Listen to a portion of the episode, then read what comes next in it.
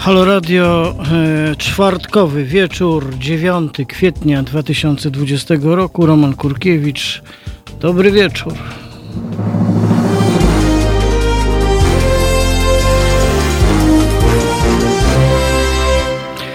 Jeszcze raz, Halo Radio, czwartkowy wieczór, 9 kwietnia 2020 roku.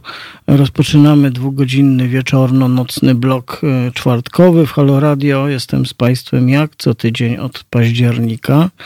Mm, Y, dzisiaj tak, zrobię w pierwszej godzinie pewien wyłom, czyli nie przeczytam Eduardo Galeano, bo przeczytam go na początku drugiej godziny, ponieważ y, troszeczkę złamałem zasady i rzuciłem okiem, co tam na dzisiaj nam Galeano przygotował i właściwie tak niesamowity sposób pasuje to do tematu rozmowy w drugiej godzinie, że przełożę to na drugą godzinę. Natomiast zacznę jeszcze od tak zwanych ogłoszeń tutaj, prawda, radiopasterskich.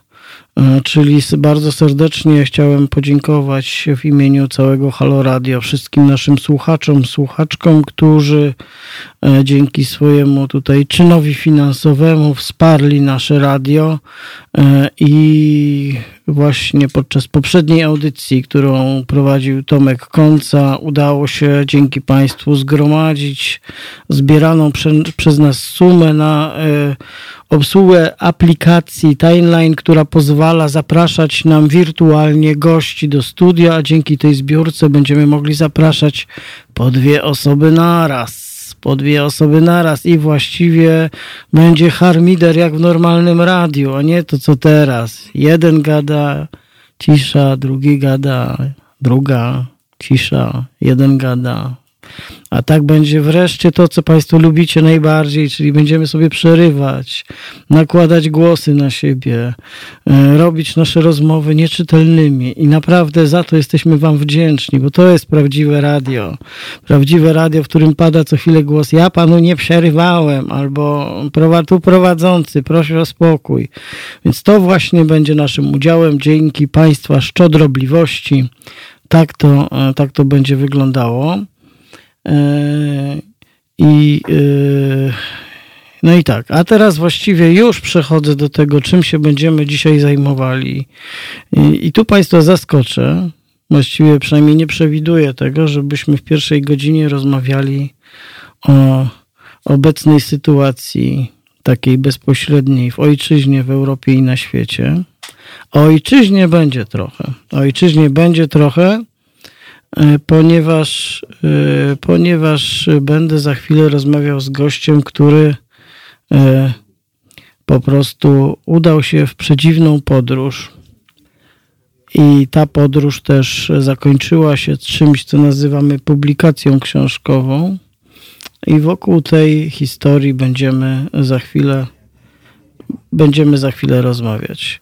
Moim gościem, moim gościem już teraz będzie Piotr Marecki. Właściwie powinienem e, tytułować chyba Piotra Mareckiego profesorem Uniwersytetu Jagiellońskiego, chociaż e, jednak bardziej przez całe życie był redaktorem i wydawcą związanym z korporacją H-Art, legendarną i bardzo przez nas lubianą i szanowaną.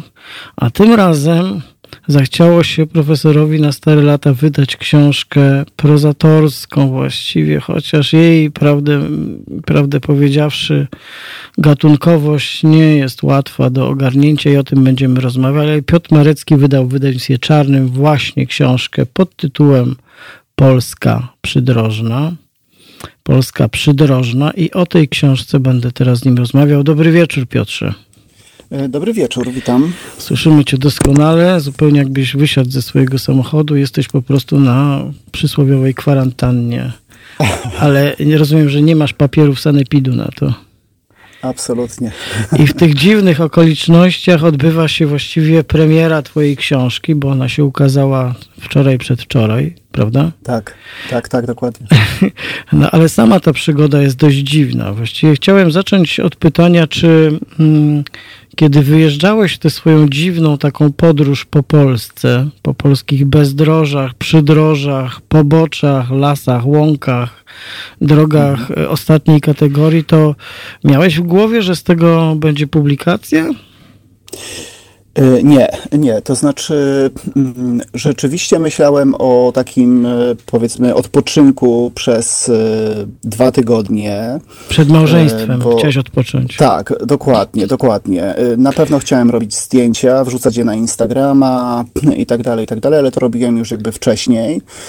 I równie dobrze mogło mi się, wiesz, nic nie zdarzyć po prostu, kiedy jechałem. I tam nawet, tam jest 15, opisane 15 dni i tam jest taki jeden dzień, gdzie rzeczywiście nic się nie zdarza, prawda? Mm, e, mhm. E, I, I, na początku nawet ten bohater właśnie on tak jedzie w takie miejsca, które trochę zna, to jest właśnie Podkarpacie, ja pochodzę z Podkarpacia, tam odwiedzam pisarza Sławka Schutego, jego nie ma, to jakby, tak jak powiedzmy w wodzie, trochę brodzisz najpierw przy brzegu e, i później jakby się puszcza, tak? Jakby wchodzisz coraz głębiej i za, zanurzasz się powiedzmy w tą właśnie Polskę, Polskę przydrożną.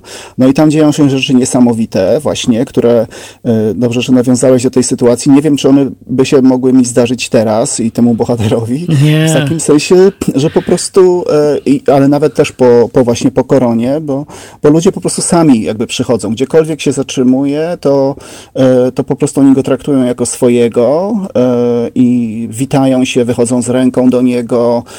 No ale z ręką, nawet... wychodzą, z ręką wychodzą, jak ci ktoś wyjaśnił, żeby sprawdzić, czy nie masz noża, więc podają ci rękę. Tak, tak. Jak podajesz rękę, znaczy nie masz noża w tej ręce, który zresztą masz i na dodatek jest to nóż amerykański.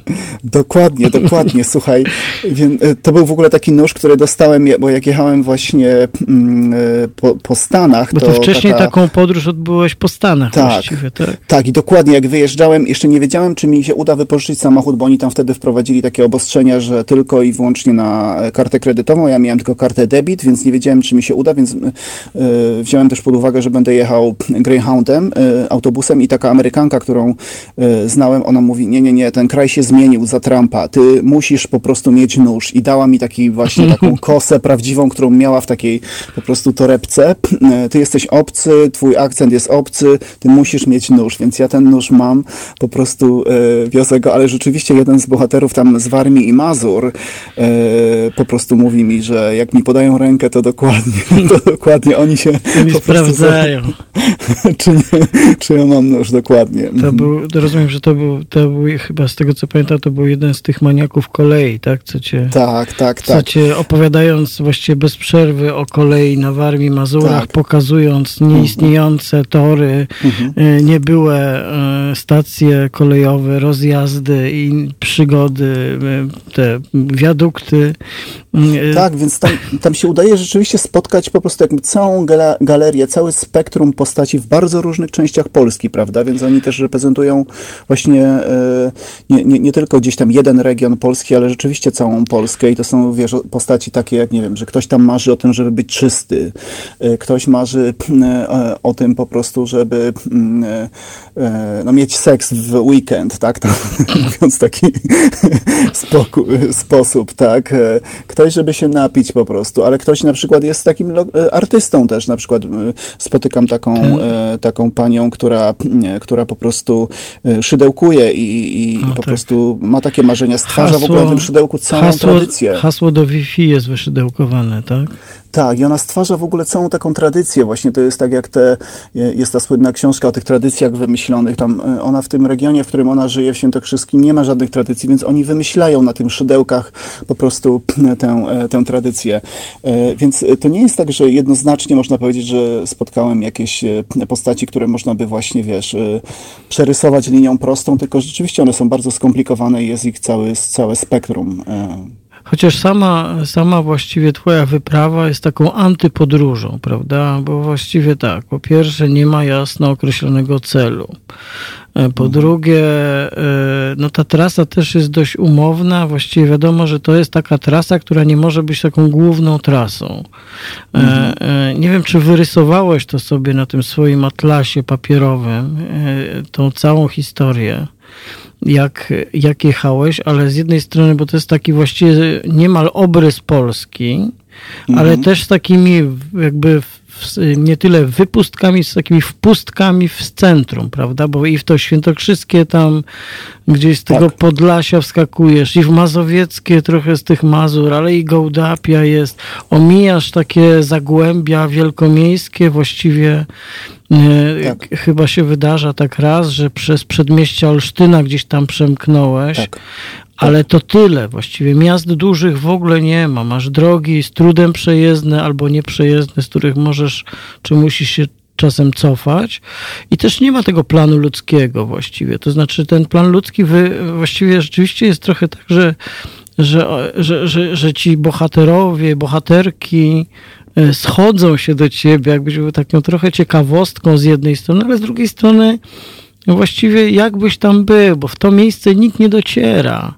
Nie ma takiego zjawiska, że występują masowo obcy, więc właściwie nawet jak obcy tam dotrze, to chyba musi być swój, bo nikt tam nie dociera, nie? Coś takiego tak, jest. dokładnie. Tam, tam, nie ma żadnego Airbnb. Ja to sprawdzałem nawet, bo nawet myślałem o tym, żeby wynająć gdzieś kiedyś Airbnb, czyli jakby wejść komuś do domu po prostu i jakby zobaczyć, e, e, jak właśnie ci ludzie żyją, opisać to po prostu, ale tam najczęściej w tych e, miejscach, gdzie się zatrzymywałem, to jakieś najbliższe Airbnb to powiedzmy 40 kilometrów i tak dalej, więc tam były tylko najczęściej jakieś takie pokoje na OLX-ie, domy weselne właśnie, jakieś takie próba... Piwnice tak, tak, notele, jakieś coś takiego, dokładnie. No, historia z e, notelem jest piękna, bo to jest historia właściwie o polskiej gospodarce, tak? I systemie. Tak. Jak się może nazywać miejsce do noclegów, że nie płacić e, e, jakichś tam podatków, albo żeby zasłużyć tak. na to miano, żeby e, hotel nazywał się motelem, to musi mieć tam jakiś zorganizowany parking, prawda? Jakichś wymogach tak. formalnych. E, to znaczy właściciel musi mieć, e, umieć języki obce i musi, e, i musi mieć taką tą, ten tunel do samochodu, nie? To jest bzdura. Ja w, w, w Stanach zatrzymywałem się w, w, ogromnych ilościach, tak, ten kanał moteli i takich tuneli, takich kanałów po prostu nie było, więc to jest jakiś, jakiś wymóg, po prostu no, typowy taki właśnie urzędniczy wymóg, który ani nikomu nie służy po prostu, więc tak. Wiesz, jak rozmawiałem właśnie z Adamem Robińskim, to on zauważył, nie wiem, czy pamiętasz, pamiętasz postać ze Śremu. Mhm. To jest taki, e, takim, e, znowuż on, ja go nigdy nie widzę, on tylko przez telefon mi mówi, że jemu się nie chce jechać, żeby, e, żeby po prostu dać mi ten, ten klucz, prawda? Te, te za 40 zł on nigdzie nie pojedzie. Tak. I że on wymyśla takie Airbnb właśnie, tylko takie po polsku, prawda? Bo Airbnb tak działają, że przecież ci ludzie się ze sobą nie spotykają w twarzą w twarz, tylko to jest wszystko kodami po prostu mm, y, płacisz y, przelewem, prawda? Tylko tu oczywiście nie płacisz przelewem, tylko on tam każe sfotografować swój dowód tak. na pościeli, że to jesteś ty rzeczywiście. Tak, wkładasz do skrzynki. Rozpoznam Także pościel, tak.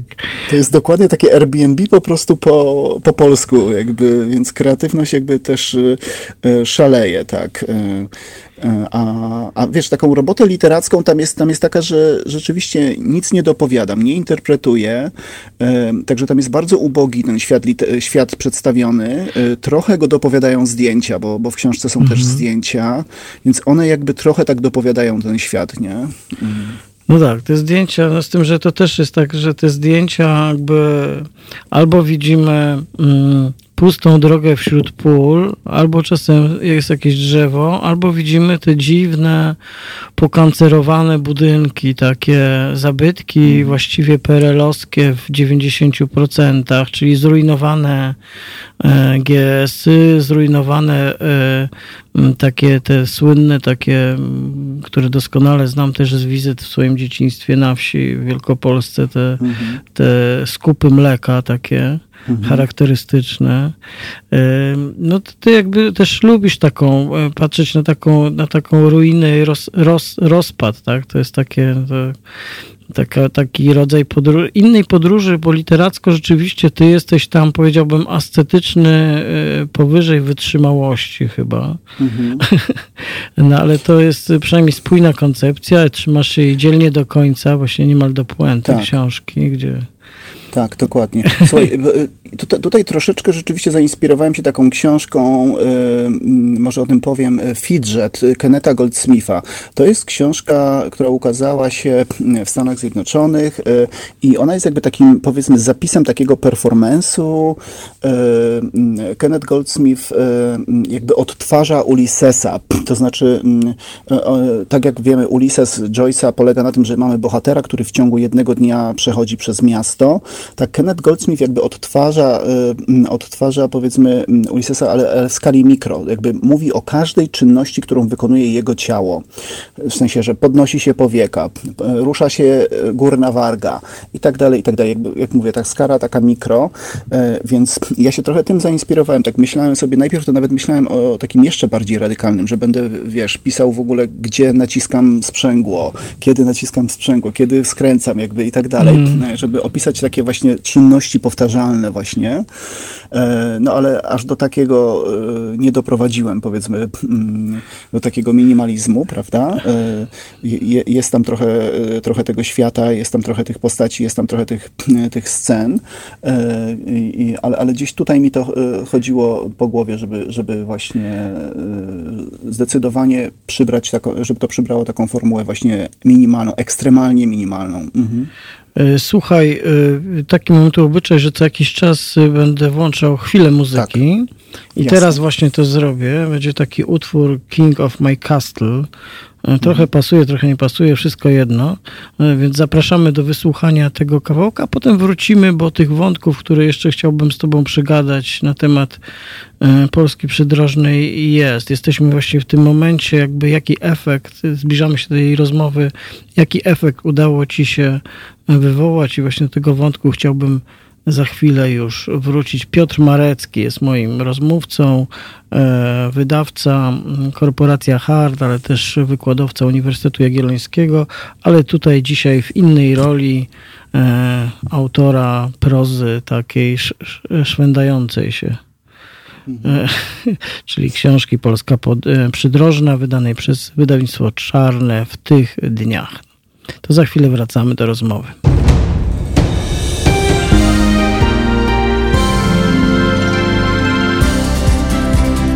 Halo Radio. Pierwsze radio z wizją.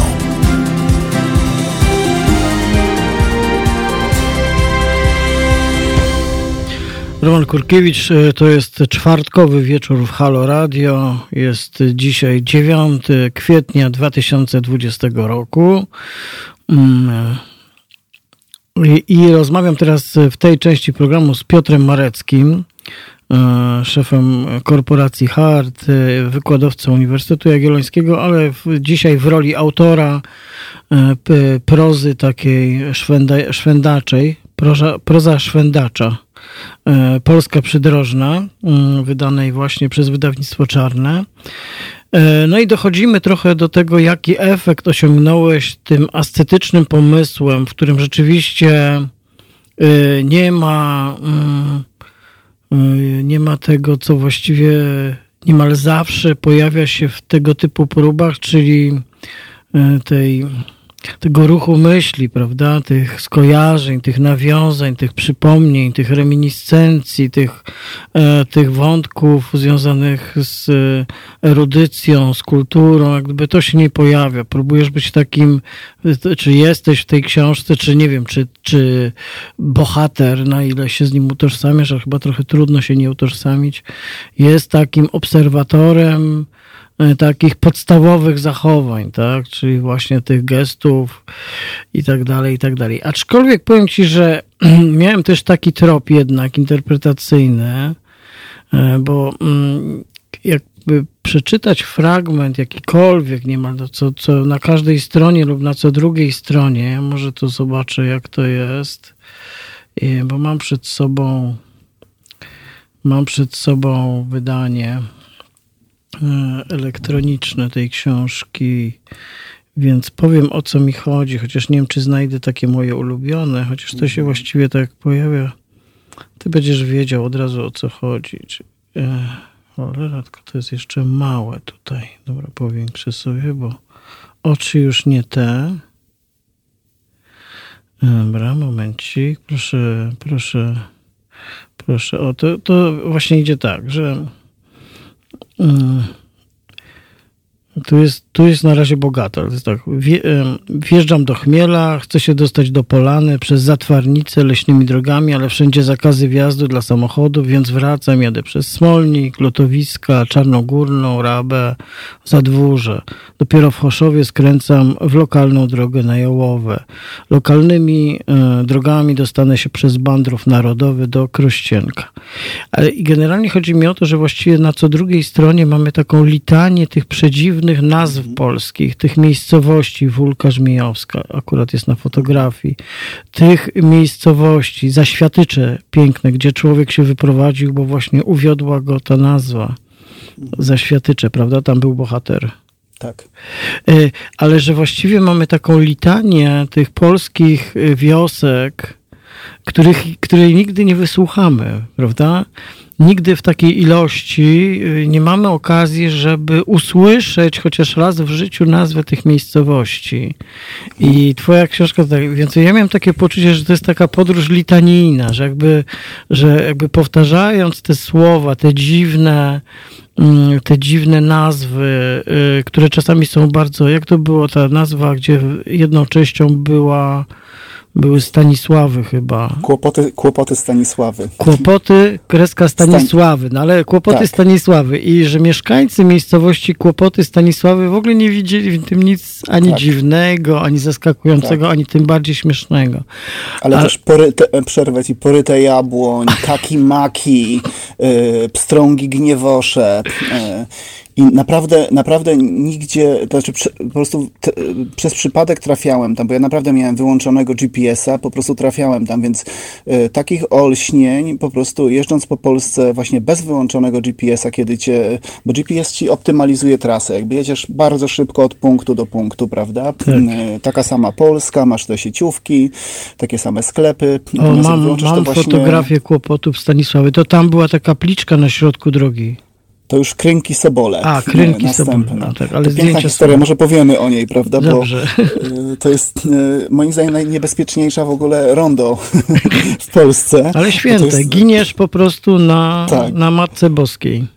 Tak, bo chodzi o to, że e, ta, tam we wsi były dwie kapliczki. Jedna była postawiona normalnie, prawda, i to wioska ją postawiła, ale jakiś prywaciarz postawił drugą tak blisko drogi. No ale wiadomo, modernizacja, samochody, e, więc drogę trzeba było poszerzyć i wyjazd na głównie, drogę główniejszą, tam nie ma jakichś głównych dróg, e, więc ta kapliczka, oni, oni tam ci mieszkańcy tej wioski mi opowiadali, że gdyby przestawili kapliczkę, to może spaść klątwa na wioskę, więc nie przestawiają, więc zostawili ją w środku tego i rondo zbudowali. No a teraz tak, w Polsce ludzie jeżdżą e, samochodami jednak na e, skrzynię biegów jeszcze i de facto trzeba się przeżegnać, tak? Po prostu jak się jedzie przez kapliczkę, zresztą jeszcze w, pod, w Podlaskim, prawda?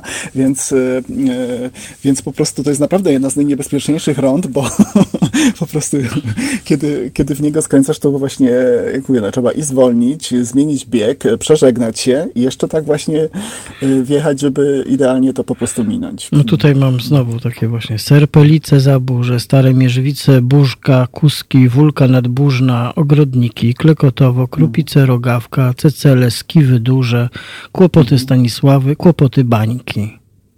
Tak, chodzi o to, że wiesz co, ja celowo tutaj, e, wcześniej wspomniałeś, że jestem na, naukowcem, rzeczywiście się zajmuję mediami cyfrowymi, a media cyfrowe posługują się jakby taką logiką bazy danych, prawda? E, baza mhm. danych to jest po prostu bardzo dużo informacji, jakby z tych informacji, e, tak jak internet jest powiedzmy skonstruowany, ustawiasz sobie jakąś tam narrację, prawda, że się, e, nie wiem, surfujesz sobie powiedzmy po, po stronach internetowych, więc moim rzeczywiście celem było stworzenie takiej listy, katalogu, czy właśnie jak możesz nazwać to litanią, jak najbardziej po prostu prostu, e, bo, bo to jest taka, mamy gatunek. Mi się to tak czytało, rozumiesz? Mhm. Po prostu jak wchodziłem w ten rytm tego wymieniania tych dziwnych słów, których nigdy wcześniej tak. nie wymawiałem. Powiem ci, że paradoksalnie miałem takie przez chwilę takie wrażenie, że wracam.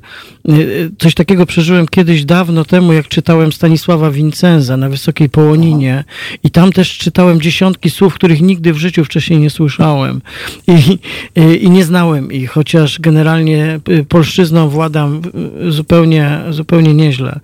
To, mhm. to tutaj też jakby jak czytasz te nazwy miejscowości, jakby, jakby ty je wrzucasz, a ja przez nie wędruję za tobą, za mhm. twoim zapisem, to też miałem poczucie, że się w takiej mantrze polskości mhm. dziwnej zanurzam, takiej niezrozumiałej, obco brzmiącej, wymieszanej, takiej, e, wiesz, alogicznej, właściwie zaskakującej. Te, te, te słowa w ogóle, które są nie do wymyślenia, zupełnie cecele, co to, jakieś Seszele, tak. jakieś skiwy, w ogóle o co chodzi? Bo tam, wiesz, kuski to rozumiem, kuski to jest ok, ogrodniki, tam zaburze mogę zrozumieć, to wszystko, ale te wszystkie inne dziwne tak. słowa, których tam są setki po prostu tych, tych miejsc, y, wprowadzają w taki w ogóle nastrój y, takiego lekkiego, powiedziałbym, otumanienia nawet.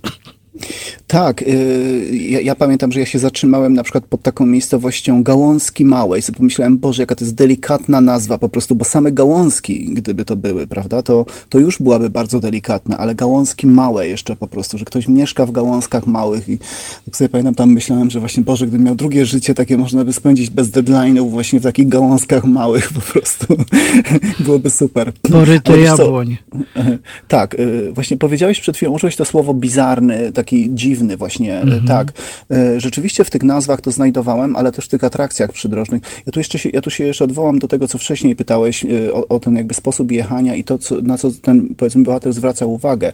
Wiesz co, to, to, to, tego, tego on się nauczył w Stanach Zjednoczonych. To znaczy, jeżdżąc po Stanach, używał tej aplikacji właśnie um, Roadside America, która jakby zwraca uwagę tylko i wyłącznie na atrakcje przydrożne. To nie są, wiesz, muzea, to nie są katedry, to nie są kościoły, to nie jest ślad architektury drewnianej, tylko takie dziwactwo właśnie, że jakiś ekscentryk w Idaho po prostu w centrum kukurydzy, w centrum pola, w którym jest kukurydza, wystawił sobie wysoki pomnik, tak? I, i ludzie, którzy jadą przez Idaho i po prostu jadą 200 mil po prostu po, drogą między kukurydzą, y, dzięki tej aplikacji dzięki te, temu narzędziu dowiadują się, że jest takie, takie, takie dziwactwo, taka właśnie, wiesz, e, atrakcja przydrożna i oni tam skręcają, robią sobie zdjęcie, często nawet nie wysiadają z samochodu po prostu. I to jest jakby sposób też jakby, wiesz, jeżdżenia, e, podróżowania po Ameryce, która, jak wiemy, nie ma tego, co w Europie, tych, wie, tych katedr, które mają tyle wieków e, i tak dalej, i tak dalej, ale to dziedzictwo właśnie ma przy drodze.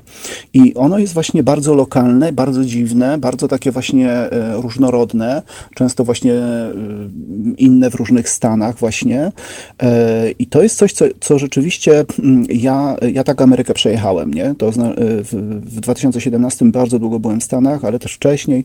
Pożyczałem samochód, używałem tego, jeździłem po prostu e, i oni tego ani nie traktują w kategoriach, że to jest super śmieszne, ani tym bardziej, że nie wiem, jacyś hipsterzy z Nowego Jorku siadają w auto i jadą i sobie takie rzeczy oglądają, że to jest jakieś safari, tylko to jest po prostu ich duma, jakaś taka, to jest ich dziedzictwo kulturowe, wiesz, jakby, tylko, że oni kolekcjonują kolekcjonują szyldy, oni mają całe programy telewizyjne o kolekcjonowaniu szyldów, o tych małych właśnie gastronomiach, w których, wiesz, nie było Magdy Gessler nigdy e, i tak dalej, i tak dalej. Mm, ja się tam tego nauczyłem, wiesz, i pomyślałem, w Europie nie wiem, czy ktoś takie coś robi. Prawdopodobnie nie. Tutaj moja koleżanka e, Marta e, Ewa Romaneczko powiedziała mi, że w ogóle road trip w Polsce się nie może udać, bo po prostu granice są za blisko, prawda? Jakby jesteś w stanie Polskę przejechać w ciągu paru godzin, po prostu i tu nie ma nic ciekawego. E, no natomiast po prostu, jeżeli rzeczywiście właśnie włączysz GPS-a i jedziesz tymi małymi drogami, to po prostu ja kawałek tylko Polski dotknąłem przecież, nie? Mhm. Jadąc, bo... bo, bo no kawałek, wiele, kawałek, no ale ale jednak z, wyjeżdżając z Krakowa przejechałeś przez Beskid Niski, Bieszczady, tak. E, mhm. Podlasie, Lubelskie, Warmia, Mazury, tak. E, potem Pomorskie, Zachodnio-Pomorskie. Przecież okolice Szczecina właściwie, tak, Lubuskie, potem Wielkopolska tak, i w dół. Mhm. No, także to jest tego, tego mnóstwo. E, wiesz, mhm. no to jest, to jest bardzo ciekawe, bo to jakby idzie, idzie taką, takim tropem tego, że spotykasz po prostu to, to tak zwane legendarne, zwykłe życie ludzi, do których nigdy nikt nie dotrze, bo nie ma E, czegoś, czym się przecież żywią media, czyli takiego powodu, prawda? Nie ma pretekstu, nie ma tego, jak to mawiali tacy chłopakowie, co uczyli mnie kiedyś niby, albo wydawało się, że musi być zawsze, musi być hak, hak, musi być zaczepiony, a tutaj po prostu to płynie, znaczy to jest oczywiście takie, taki trip bardzo medytacyjny, nie? bo ty też nie pędzisz, nie musisz pędzić, właściwie antypęd jest w to wpisany, ale to jest też opowieść na przykład, ta, taką elementem tej opowieści, to co mówisz, szyldy, jak tam każesz temu e, facetowi, e, e, żeby zachował ten szyld bar, który został zjęty, co był tam z tym, z tą Coca-Colą, tak? Taką Tak, tak, wyblakłą tak, to też- i z tym snakiem, co 20 lat nie ma knajpa, wszyscy i tak, Tak. mówią o niej snak, bo się Dokładnie. w czasach Coca-Coli zrodziła, albo, ale fascynujące To jest piękna historia w ogóle. Tak, ten, ta postać jest niezwykła. Bo on tam walczy z tą Coca-Colą, żeby ta Coca-Cola usunęła ten, ten znak Coca-Coli, bo tam jest elektryka, a ta Coca-Cola nie chce przyjechać. I to jest w ogóle To jakiś w ogóle już nie widać metafora. tej Coca-Coli, tylko sz- kształt, właściwie obrys butelki, nie? Tak, tak, dokładnie. Po prostu myślę, że tak będzie z kapitalizmem. Jak już w ogóle upadnie, to my też będziemy po prostu Tutaj. będziemy już chcieli, zabierzcie już to po prostu, tak jak wiesz, jak tam wcześniej te czołgi właśnie Rosjanie, i po prostu zabierzcie, już będziemy dzwonić do nich, po prostu zabierzcie już tą Coca-Colę i tak dalej. To, to jest właśnie, wiesz, stary człowiek i kapitalizm po prostu, no. Ten wątek, który, który tam można powiedzieć, że jest kilka tych podstawowych takich odsłon, tych podstawowych ludzkich potrzeb. Czyli masz oczywiście, trochę mówiliśmy o tych noclegach i o, o tym miejscach, to nie będziemy w to, w to się zagłębiać, ale y, y, dużo ciekawsze mi się też wydawało, czy ciekawsze, bardzo takie interesujące jednak te wątki związane z tym, jak się żywiłeś. I że właściwie królem tej prowincji jest ten kebab nagle. On właściwie Jest. wygrywa. Wygrywa z wszystkim. Pierogi po prostu są wyklęte. Pierogi są po prostu. Luksusowy towar. Znaczy w ogóle luksusowy jakiś, towar. tak, jakiś po prostu kawior po prostu Europy Środkowo-Wschodniej to są pierogi nagle, tak? One nie występują, mm. są w dobrym hotelu, tylko panie, musisz pan Tak. pojechać 30 kilometrów i zjesz pan pierogę. W niedzielę jakieś dwa konkurujące ze sobą, czy trzy kebaby po prostu e, w centrum miasta, a, pierogi rzeczywiście gdzieś tam nad jakimś e, hotelu, e, gdzieś daleko po prostu. No, doświadczyli, doświadczyliśmy tego, rzeczywiście e, e, przy, przy kebabach się też rodzi kultura, taka właśnie e, to, co powiedzmy tutaj na- nazwiemy tym trzecim miejscem, prawda, czyli w psychologii, co się nazywa, czyli pomiędzy właśnie domem, powiedzmy, rodziną i, i pracą. Ludzie często tworzą sobie to trzecie miejsce. No w Krakowie mamy jakieś knajpy, kawiarnie i tak dalej, prawda? A oni tam często mają w tych miejscach, w których się zatrzymywałem, ci bohaterowie mają te właśnie kebaby, na przykład w tam Wysokim Mazowieckim. Oni tam po prostu przyjeżdżają z małpkami po prostu do tego kebabu. Nigdzie indziej nie można pójść po prostu i tam piją sobie te małpki, gadają sobie te mm, po prostu o, o seksie, o, o różnych takich właśnie swoich rzeczach, E, ale to jest właśnie to ich trzecie miejsce po prostu te kebaby po prostu teraz, tak, tak, tak. Mhm.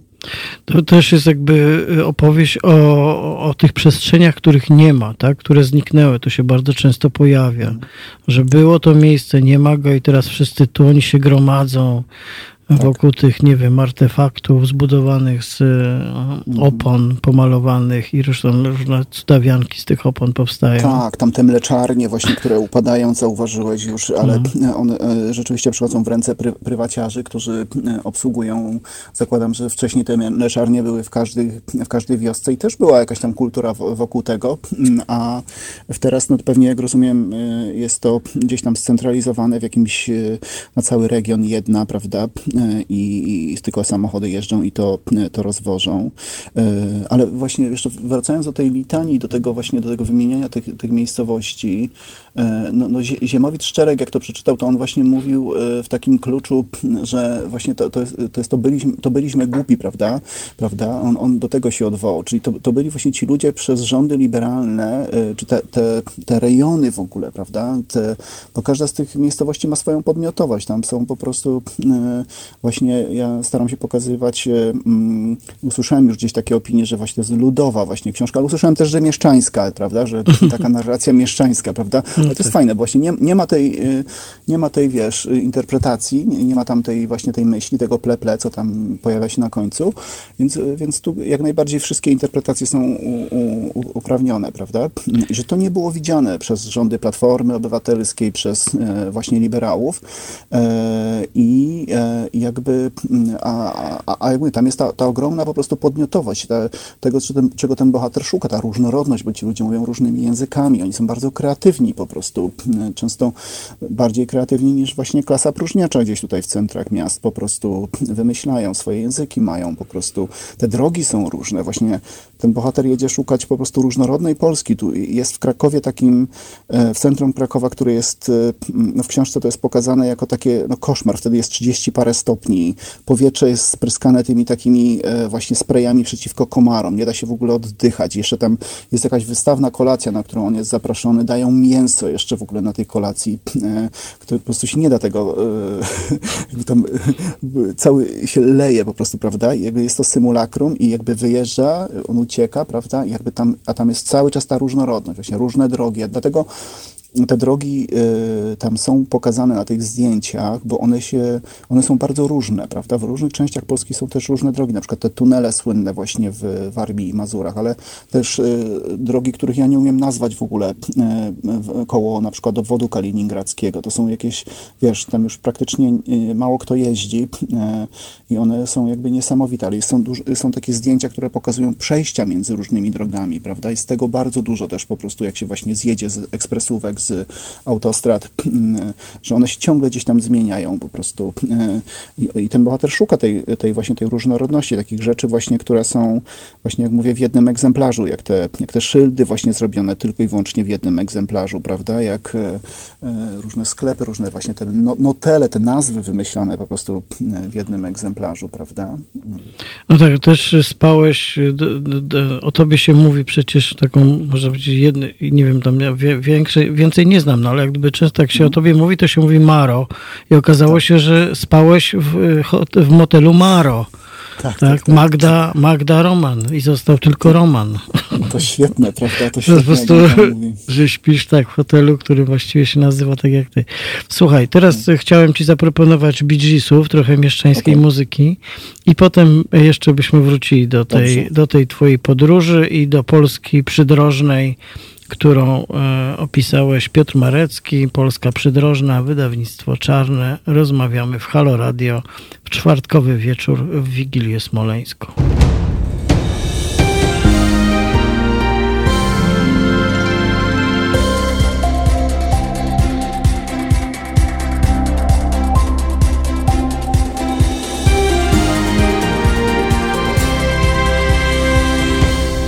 Halo Radio, czwartkowy wieczór. Raz jeszcze witam serdecznie wszystkich słuchaczy i słuchaczki. Roman Kurkiewicz.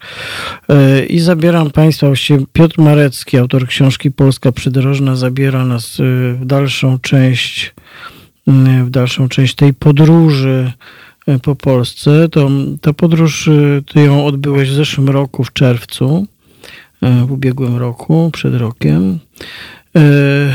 No i rzeczywiście e, paradoksalnie w taki niewymuszony sposób e, dostajemy taką, taką właściwie nie wiem jak to powiedzieć, taką trochę taką gawędę o tej Polsce, prawda? O historii ostatnich kilkudziesięciu lat, ale też przecież pojawiają się tam wątki takie gdzie ludzie pracują, gdzie kto wyjechał. Sporo osób nie ma, bo są gdzieś e, w, na emigracji w Anglii albo gdzieś tam.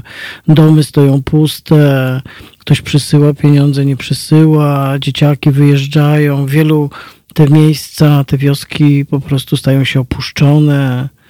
E, no a główną rzeczą jest to, że właściwie nie wiadomo, co tam się dzieje, bo tam właściwie nic się nie dzieje, nie? Tak, tak. Tam y, jest też trochę więcej jeszcze nawet historii niż, niż to, co wymieniłeś, bo jest i historia trochę Górnego Śląska też, y, że to niekoniecznie, y, że, że też ludzie jeździli tam z całej Polski, prawda, do, do, do, do tej potężnej aglomeracji. Są też przecież i, i jakieś traumy II wojny światowej, prawda, mhm. tam w takiej tej scence z tymi obsługującymi lodziarnie, gdzie one mówią, że widzą duchy po prostu gdzieś tam cierpiących Żydów i, i, i po prostu to jest jakaś w ogóle traumatyczna historia, tak?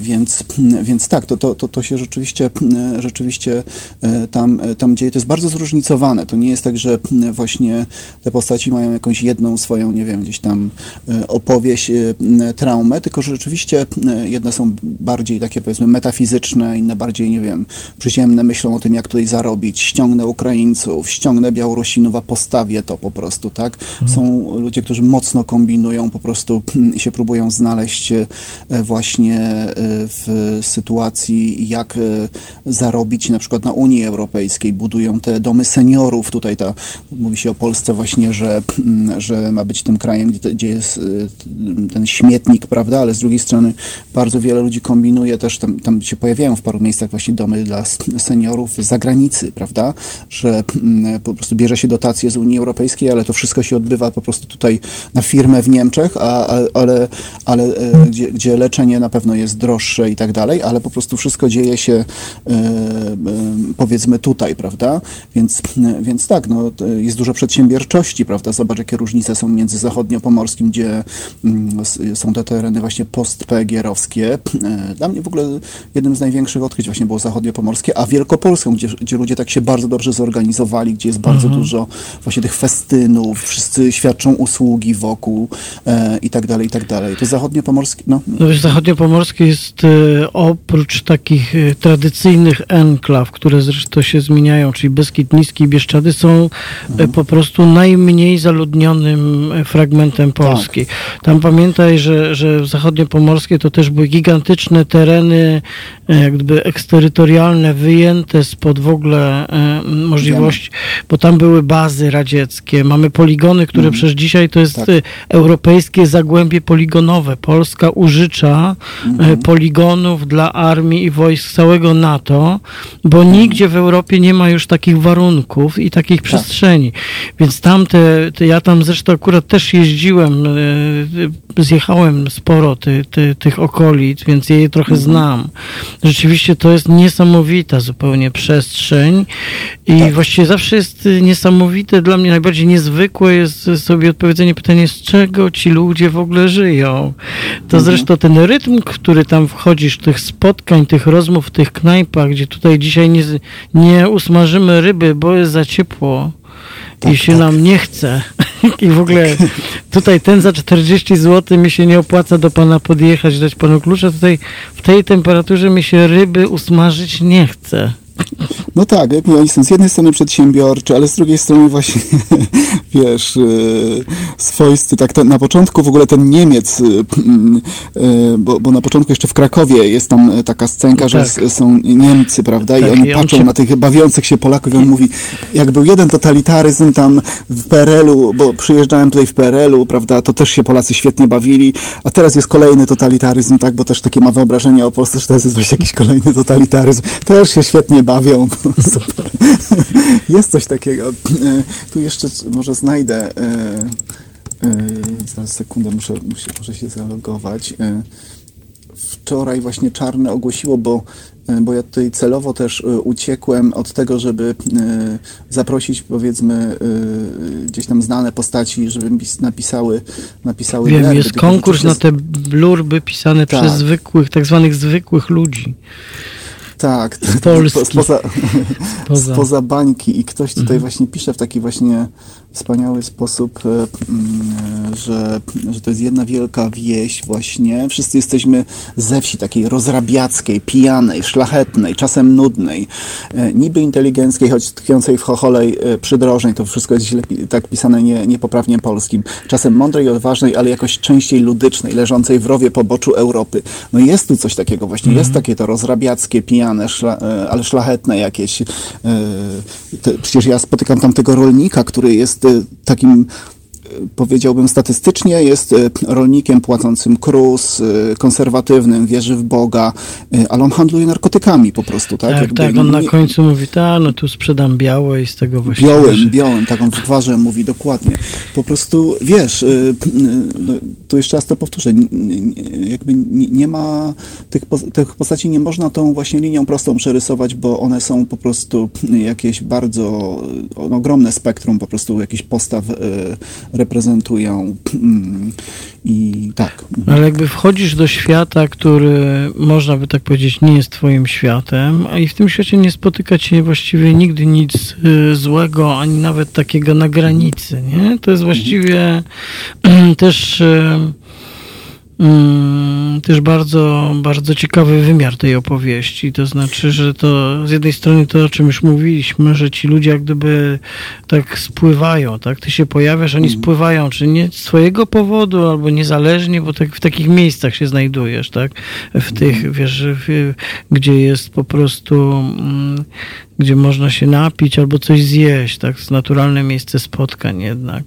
Ale że tam się dzieją, du, dużo się dzieje, dużo alkoholu płynie i właściwie nigdy to się nie kończy w żaden taki nawet nieprzyjemny sposób, nie? To jest też coś takiego, co jest Wiesz co, interesujące. po, powiedziałeś właśnie o tym, czy to jest mój świat, czy nie. Więc właśnie wydaje mi się, że mm, No właśnie. tam, tam są takie wskazówki. Tak, znaczy ten bohater jest rzeczywiście mieszczuchem strasznym. A Widzimy, że ma czapeczkę kupioną w jakimś tam e, e, awangardowym miejscu w, w North Carolina i tak dalej, i tak dalej. Ale jednak e, zobacz, e, on jedzie do, najpierw do domu rodzinnego. W tym domu się w ogóle mówi gwarą. E, I to jest jakaś no, taka sama miejscowość, jak, jak, jak te wszystkie inne opisywane, Trzcinice. Ja zresztą to, to już takie moje doświadczenie, powiedzmy, y, w- y, ja, ja ciągle tam na przykład jestem zameldowany i na przykład ja mam zawsze problem, jak podaję adres gdzieś w mieście, to po prostu y, trudno mi jest zawsze go przeliterować, wiecie, zawsze jakieś błędy, Trzcinica, prawda, Trzcinica, a, a poczta jest Przysieki, jakby no w ogóle no jakiś koszmar, prawda. Ja się urodziłem w Szerzyny, w Szerzynach, wiesz, to jest też, też taka mała miejscowość, też tam jadę przez nią, tam tylko kogut stoi na środku drogi. E, wiesz, mam e, skrzywiony nos na, na wiejskiej dyskotece. 20 lat to, mojego życia e, autora tej książki to jest po prostu taka, taka miejscowość. To, tylko, I tylko i wyłącznie takiej miejscowości. Ja dopiero później jadę do Krakowa, wiesz, i uczę się, czym jest wieczorek poetycki, czym jest finisarz i wernisaż i tak dalej. I wiesz, y, ja, ja, ja, mnie tak właśnie tknęło, wiesz, jest taki horror, nie wiem, czy go może widziałeś, on się nazywa po angielsku, to jest amerykański horror Nie Home widziałem. Invasion. Nie widziałem, As bo ja nie właśnie. oglądam po prostu A, horroru. właśnie. Wiesz co, to jest, to jest taki film, właśnie Home Invasion, nie? czyli jakby napadają ci na dom i robią ci tam jatkę w domu, prawda? I, I to jest zrobione w taki sposób, że jest taka dobrze prosperująca amerykańska rodzina, e, jest dwójka dorosłych e, i dwójka dzieci. I oni mają świetny dom i tak dalej i pod ten dom przychodzą ich cienie, wiesz? I pukają do tego domu i tam wchodzą i te cienie są dokładnie takie same, to są ci sami aktorzy, e, tylko po prostu gorzej ubrani jakby i tak dalej. No i oni cały czas mówią, że wiesz, mieliśmy gorsze zabawki. Tam ta kobieta cień mówi, e, jak ty miałaś cesarskie cięcie, ja musiałam sobie płód wyrwać, nie? No i oni jakby, wiesz, przejmują ten dom, przejmują władzę w tym domu i później na końcu filmu widzimy, że cienie przejęły władzę w całej Ameryce, w całym, w całym jakby kraju, prawda, w tych domach. I, I to się mówiło, że właśnie to jest taki horror, y, świetny y, film gatunkowy, ale jednocześnie opowiadający o tym, co się wydarzyło w Stanach. Właśnie, że wiesz, jakby ta demokracja liberalna właśnie przejęta została przez tą demokrację właśnie rednecków, y, y, którzy zagłosowali na Trumpa i oni jakby, wiesz, zdobyli władzę, prawda, i tak dalej, i tak dalej. Że, że właśnie te cienie zagłosowały, prawda, y, i, i przejęły tą, tą władzę, że ten horror jest jakby o tym. No i, i, i te, ten bohater jest trochę taki, wiesz, że po prostu odkrywa ten cień w sobie, chociaż oczywiście te postaci, które odwiedza, i on sam nigdy by się cieniami nie nazywały. Właśnie to jest też pokazanie, no, no mo- moim zdaniem to jest właśnie ci, y, te, y, ten bohater jest bardzo pogubiony tak naprawdę w takim sensie. On się naczytał bardzo dużo różnych diagnoz y, on, o, o ludzie polskim właśnie z tą swoją narzeczoną. Po prostu przeczytali wszystkie możliwe książki, lewicowe, nielewicowe, artykuły w gazecie i komentują to. Oni są po prostu strasznie pogubieni, czy ten kontakt w ogóle jest możliwy, na ile on jest możliwy i tak dalej. Mm. Okej. Okay. Zastanawiam się, czy to jest, czy ta twoja książka, ona y, ma w sobie pewnie taki potencjał też, a może też przez to, jakby kim ty jesteś i jakby właściwie wiadomo, że ta książka będzie czytana, y, to się zastanawiam, czy ona e, zrodzi taką, taki pomysł na podobny typ podróżowania i zapisków, jakby ona nosi w sobie coś takiego, nie? To wiesz, to w ogóle jakby widać, że, że w Polsce książki czasem wyznaczają taki trend. To się wydarzyło tam 25-30 e, lat temu od książek Andrzeja Stasiuka na przykład, tak, który potem wyznaczył taki trend podróżowania po tych miejscach dziwnych, takich mhm. ubocznych na świecie. No a ty tutaj wybrałeś się w taką Polskę niewidoczną, prawda? Niewidoczną, mhm. nieopisaną, taką pozbawioną i głosu, i obrazu trochę, nie? Bo mhm. cię zafascynowało to i słusznie zresztą. I wydaje się, że e, paradoksalnie przy tej e, ascetycznej formie ta książka jest niezwykle bogata i niezwykle Ciekawe. bogata i zaskakująca, bo, bo, bo no, niesamowite. Bardzo, bardzo mi się też dobrze ją czytało i to tak o, błyskawicznie. No. wiesz co, y, to znaczy, y, wiesz, no teraz się czyta te artykuły, bo, bo wiadomo, jesteśmy, ta Polska gdzieś tam, znaczy ta książka, jak sądzę, portretuje Polskę, której już trochę nie ma, prawda, bo, y, bo właśnie, no na, na przykład wszystkie rzeczy, które tak naprawdę są w tej książce w tym momencie są nie, niedozwolone, tak, to znaczy nie można jechać bez celu dzisiaj, prawda? Możemy się, znaczy mamy się ograni ograniczyć przemieszczanie, ale musi, jeżeli chcemy gdzieś jechać, to musimy mieć cel, prawda? W tej książce się jeździ bez celu. Te wszystkie hotele, motele są zamknięte, prawda? Te, znaczy tam hoteli nie ma, ale te wszystkie po prostu noclegownie, prawda? Większość tych barów jest, jak sądzę, zamkniętych albo tylko właśnie y, są y, możliwe wynosy, prawda? Y, nikt ci już nie poda ręki raczej, prawda? E, więc, więc to jest jakby trochę coś, co po prostu już rzeczywiście wiesz, kompletnie nie miałem takiego zamiaru, że portretuję jakiś mm, świat, który odszedł, ale pewnie w najbliższych e, latach e, to będzie bardzo trudne, żeby zrealizować coś takiego. Mówi się teraz w tych artykułach, się e, pisze o tym, że jeżeli któraś branża się zmieni, to właśnie podróżowanie, prawda, jakby turystyka, że, że raczej w najbliższych latach po prostu nie będziemy mieli tej turystyki takiej, że lecisz na drugi koniec świata, rezerwujesz po prostu mm, samolot, masz, wiesz, katalogi kolorowe i tak dalej, i tak dalej, ale że raczej będziemy się skupiać na tych właśnie lokalnych mm, mikroturystykach właśnie. Więc e, w tym sensie... E, to tam gdzieś, e, gdzie to ja czytałem o tym człowieku, o tym pisarzu z Krakowa, co się zachwycał kamieniem, który kopał na tak, moście. To, to dokładnie, to po prostu Stoberski, tak, o, tak, tak, tak. On, on, on by rzeczywiście... A to gdzie to przeczytałem? Tutaj... To w książce było? E, nie, nie, w książce nie było. Ja, ja może gdzieś o tym napisałem, takiego, y, na, jak, jak na przykład y, przejąłem Instagram Czarnego, to tam jeden taki A. post o tym napisałem. Może tam to czytałeś no, na przykład. Tam. Okay. Mm. Więc, więc, no, no moim zdaniem tutaj rzeczywiście trzeba czy, gdzieś, gdzieś tam takie te lokalne e, rzeczy e, trzeba będzie odkryć, tylko oczywiście zagrożenie jest takie, że wiesz, że po prostu ta, ta Polska przydrożna też stanie się symulakrum, tak? To znaczy, że mm, bo to, to, co jest jakby fenomenem, to jest to, że tam, tam są właściwie wszystkie miejsca, które, które są opisane w książce, to są takie miejsca stworzone przez lokalnego nadawcę dla jakby lokalnego odbiorcy. Tam jeszcze nie było Magdy Gessler, można by powiedzieć, tak? Jeszcze nie przyjechała, jeszcze nie powiedziała, wiesz, jak to zrobić pod telewizję, pod właśnie turystę, pod jakiegoś tam, wiesz, y, y, wysublimowanego odbiorcę. Mm, I to jest też coś właśnie, wiesz, z tymi atrakcjami przydrożnymi w Stanach Zjednoczonych, że one są pod tego lokalnego, powiedzmy, odbiorcę. Nawet jeżeli ci hipsterzy z Nowego Jorku jadą sobie oglądać, wiesz, piramidy gdzieś tam po prostu w Memphis, e, to one są gdzieś tam też pod, pod tego lokalnego, bo oni bardzo mocno myślą lokalnie też, prawda, że, że i dinery są takie właśnie pod, często pod lokalnego odbiorcę i tak dalej, więc na pewno jest obawa taka, że, że to może się stać symulakrum, po prostu tak samo jak to centrum Krakowa właśnie z tą turystozą właśnie, wiesz, e, gdzie, gdzie, wiesz, ja mieszkam w centrum Krakowa, więc widzę, jak to się po prostu bardzo zmieniło od wielu lat, e, że, że właściwie wokół nas to wszystko to jest Airbnb, ludzie przyjeżdżają, wydzierają się, ceny są wysokie, jakby nie ma, nie ma już, e, wiesz, jeżeli zostali jacyś jeszcze ostatni mieszkańcy w Krakowie, tutaj w centrum, tacy, którzy rzeczywiście tu mieszkają od dekad, to ich, oni ich nie stać po prostu, żeby pójść, wiesz, do pizzerii. My pod, pod nosem mamy taką pizzerię, że wiesz, że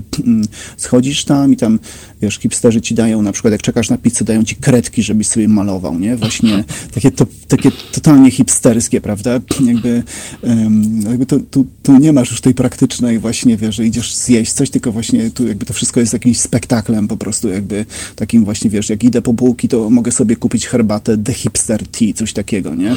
E, więc e, Obawiam się, że po prostu, że jak e, rzeczywiście teraz nie będziemy mogli wsiąść, wiesz, w linię lotnicze i polecieć po prostu na, na drugi koniec świata, a, a zaczniemy właśnie tutaj jeździć, to może się coś tam takiego stać i pewnie wiesz, no, wszystkie tutaj akcje uświadamiania właśnie o, te, o takiej lokalnej turystyce, mm, o tym, żeby zachować właśnie tą różnorodność, tą jednostkowość, to, tą właśnie to, to e, tą, że to jest tak dalekie od tego właśnie, wiesz, symulakrum, od tej turystozy, to po prostu mm, będą e, teraz też bardzo ważne, bo Słyszałem nawet, że ma być właśnie, wiesz, tysiąc plus dla, e, dla turystyki. Nie wiem, czy słyszałeś o tym, że to ma być coś takiego, za. że... Ja w ogóle wszystkie plus mnie cieszą, więc... Że po prostu właśnie dostaniesz tysiąc, ale jeżeli wydasz na turystykę, prawda? Aha, więc. E, więc po prostu tysiąc nie wiem, jak to będzie rozumiane. Turystyczne tak. tysiąc plus, książkowe tysiąc plus, jestem za. Tak, dokładnie, dokładnie. Piotrze... Wtedy jak książka może być przewodnikiem, po prostu tak. można wsiadać i jechać. Piotrze, bardzo Ci e, dziękuję Dzięki. za rozmowę i za tą podróż i za Twoją książkę. Piotr Marecki, Bardzo Polska dziękuję. Przydrożna, wydana przez wydawnictwo Czarne. E, dzisiaj była tutaj naszym tematem w tej pierwszej godzinie rozmowy. Bardzo Ci dziękuję, Piotrze. Dziękuję i zapraszam do lektury. Jasne. I ja też serdecznie Państwu e, polecam lekturę, lekturę książki. Mm, teraz będzie aha, e, a po niej zupełnie inna część. Wejdziemy jednak w to, co w polityce polsko-europejskiej się dzieje ważnego i moim rozmówcą będzie e, Filip Konopczyński z Fundacji Kaleckiego.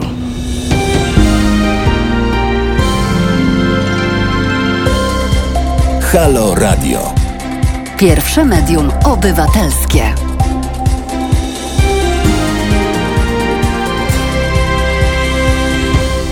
Halo Radio to jest e, czwartkowy wieczór. Roman Kurkiewicz. Rozpoczynamy ostatnią godzinę naszego spotkania. Jest dzisiaj 9 kwietnia 2020 roku. Jest 10, 12, prawie minut po godzinie 22. E, w tej części rozmowy będę mm, e, rozmawiał mm, o takim dokumencie, liście, apelu, który nosi tytuł Pacjent Europa Moim rozmówcą e, będzie e, teraz Filip Konopczyński z Fundacji Kaleckiego, między innymi. Dobry wieczór, Filipie. E, dobry wieczór panu, panie redaktorze, dobry wieczór państwu. Tak, będziemy w sensie, nie męczmy się, nie męczmy się, nie udawajmy, że się nie znamy.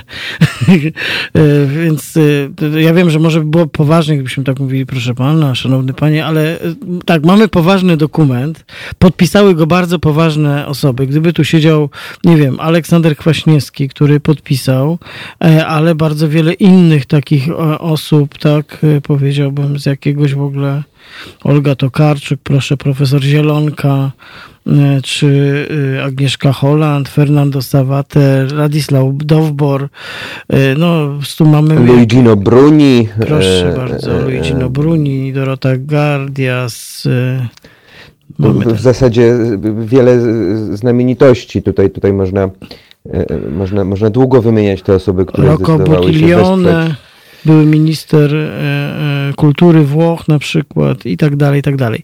Opowiedzmy, jesteś jednym z, jedną z osób, które pracowały e, nad tym listem, tak, możemy powiedzieć. To jest, więc tak, trzeba po prostu opowiedzieć, co to jest za list przede wszystkim, w jakiej sprawie, o co apelujecie, kim są ludzie, którzy, którzy ten list stworzyli i o tym, o tym porozmawiajmy na początek, dobrze? Gdybyś mógł to naszym słuchaczom i słuchaczkom krótko krótko opowiedzieć. Aczkolwiek list jest dostępny, można go przeczytać. Opublikowała go Gazeta Wyborcza, między innymi. Tak, y, więc, więc ten list to jest dosłownie sprawa, y, sprawa, sprawa kilku dni i Bardzo, bardzo mnie osobiście cieszy. Ja jestem podpisany jako jeden z współautorów, brałem udział w pracach nad tym listem od początku, ale jeżeli tak gwoli uczciwości należałoby wskazać inicjatorów i inicjatorki, e, to e, takie osoby, które przyłożyły tą największą, największą e, cegiełkę, to, to zdecydowanie jest to, jest to Aleksander Temkin, jest to Maciej Grodzicki, jest to, mm, jest to, jest to między innymi Jan Zygmuntowski, Marta Oleśnik i, i, i, i wiele, wiele innych osób. Pracowaliśmy kolegialnie, zdalnie, to, jest, to było bardzo ciekawe, także od strony tego, jak jak ten list i ta odezwa e, powstawały, bo to był taki faktycznie przykład, przykład oddolnego zrywu, który, który w warunkach tej, tej no, e, epidemii, tego, tego takiego przymusowego unieruchomienia, no także, także miał taki wymiar, wymiar zdalny, więc, e, więc tak, też jestem pod, pod wielkim wrażeniem tego i tutaj jest wielka, wielka robota sygnatariuszy, E, tych dziesiątek, już teraz chyba nawet setek osób, które, które zdecydowały się wesprzeć inicjatywę mm, w popularyzacji tego, mm, tego listu. No ale przechodząc, przechodząc może, e, może do rzeczy, czym jest, czym jest sam list, czym jest e, pacjent Europa. No więc jest to, jest to odezwa w takim no, duchu, duchu, duchu listów otwartych, które, które znamy z XX-XIX wieku. Adresatami są przewodniczący i osoby no, kierujące losem Europy, e, Ursula von der Leyen e, między innymi, ale, ale generalnie władze, władze Unii Europejskiej. E, a celem listu jest no, takie szturchnięcie mocne szturchnięcie i wyrażenie takim, takim poważnym głosem tego, że w tej całej sprawie, z którą teraz się wszyscy zmagamy, w epidemii, która, która, która no, wstąpiła, wstąpiła szybko, ale jednak, ale jednak nie błyskawicznie, tak? Tutaj z punktu widzenia krajów, krajów e, zachodnich, Europy, był ten czas, aby, aby się w pewien sposób przygotować. Mm, no i w obliczu, w obliczu tego zagrożenia, e, niestety obok, obok tych strasznych rzeczy, które dzieją się na poziomie zdrowotnym e, no, na całym świecie, w tym w Unii Europejskiej, mamy także do czynienia z takimi procesami, które są dezintegracyjne dla samych wartości europejskich, tak? I, i, I ten list jest taką e, próbą zarówno zaapelowania w sensie takim moralnym do, do osób, które są bezpośrednio odpowiedzialne za, za los Europy, ale także wskazania jakichś takich konkretnych sposobów, w których, w których, w których można, można przeciwstawić się e, e, no, tym złym procesom, o którym myślę, że że będziemy też, też e, podczas audycji rozmawiać. Okej, okay, to ja mogę tutaj, skrócie, wiesz, dwa kapity mogę przeczytać, te, które jakby mówią jakby o tych ogólnych założeniach. Piszecie tak w tym liście. Dzisiaj ratować trzeba nie tylko tysiące Europejczyków zakażonych koronawirusem. Pacjentem, któremu grozi śmierć są także europejskie wartości, takie jak wartość życia ludzkiego, demokracja, solidarność, wspólnotowość, godność pracy i pracownika. Te wartości muszą ukazać się w wymiarze praktycznym, w konkretnych decyzjach przed którymi teraz stoimy. Europa musi pokazać, że życie każdego człowieka, w tym osób starszych, jest wartością bezwzględną, a nie obciążeniem dla budżetu państwa czy gospodarki. Rozpatrywanie śmierci znacznej części społeczeństwa jako kosztu zewnętrznego, świadome poświęcanie życia ludzi na ołtarzu szybkiego powrotu do ścieżki wzrostu PKB jest barbarzyńskie, a w dodatku ekonomicznie nieskuteczne. O, bo to jest po prostu też bardzo dobrze napisane. O, tak, dlatego chciałem to przeczytać. Oczywiście, nie, no to, to, oczywiście zapraszamy, zapraszamy do przeczytania całości. Jest to, jest to też, też no, biorąc pod uwagę osoby, które, które nad tym pracowały i, i, i no, wagę, jaką do tego przywiązujemy, bardzo cieszą te słowa, że, że jest to e, dobrze napisane. No patrzę od zewnątrz, także, także mam takie poczucie i myślę, że e, no to także, także zdecydowało, że o publikacji listu na publikację listu zdecydowały się naprawdę duże, e, duże, duże redakcje New York Times, Washington Post, prasa, prasa, pra, prasa europejska, prasa, prasa amerykańska i, i w Polsce także Gazeta Wyborcza. I, i, i no tutaj cały czas jeszcze czekamy, mm, czekamy na to, aby, aby e, kolejne osoby dołączały do, do, do sygnatariuszy. E, aby ten głos był jeszcze mocniejszy. No liczymy, że ostatecznie uda się, uda się dotrzeć do przedstawicieli Komisji Europejskiej, do przedstawicieli Rady, i, i osób, które, które no mają bezpośredni wpływ na to, co teraz dzieje się na poziomie Unii Europejskiej w, w temacie walki z, z pandemią i z jej skutkami gospodarczymi i społecznymi. No a także do tego, co dzieje się w, w krajach, państwach narodowych, no bo wydaje mi się, że już pomijając, pomijając sam list jako, mm, jako formę, e, że to, te wartości, o których, o których mówimy i ten problem, z którym się zmagamy, no, dotyczy właśnie, mm, właśnie tej solidarności rozumianej zarówno na poziomie krajowym, tak, jako solidarności, e, no, tak mówiąc brzydko, kapitału i, i, i świata pracy, E, solidarności osób, które mają więcej i tych, które mają mniej, solidarności osób, które mogą przebywać kwarantannę w domu i, i nie wychodzić, a, a, a, także tych, którzy, którzy, którzy muszą codziennie ryzykować często zdrowie i życie. Więc to jest jeden wymiar tej solidarności. Drugi wymiar tej solidarności to jest to, co się dzieje na linii międzynarodowej w ramach Unii Europejskiej a także na poziomie samej instytucji, e, jaką jest Unia, a krajami członkowskimi. No i niestety e, przez, przez kilkanaście lat w Polsce żyliśmy, mm, znaczy na szczęście żyli, żyliśmy w takim przeświadczeniem, że te otwarte granice już nigdy się nie zamkną. E, I po kilku tygodniach od powstania zagrożenia, praktycznie wszystkie kraje Unii Europejskiej są, są, są zamknięte, mimo że to nie jest oczywisty krok e, z punktu widzenia e, ekspertów zdrowia. Tak? Tutaj nawet zakładając konieczność tak, zamknięcia to jest raczej się, to taki może... odruch. Jest to odruch, jest to reakcja obronna, jest to wyraz braku zaufania państw członkowskich wobec siebie nawzajem. Mm. Ale tu też jasno jest tak, że są adresaci jak gdyby też postulaty są właściwie wyrażone mocno prostym, zrozumiałym językiem.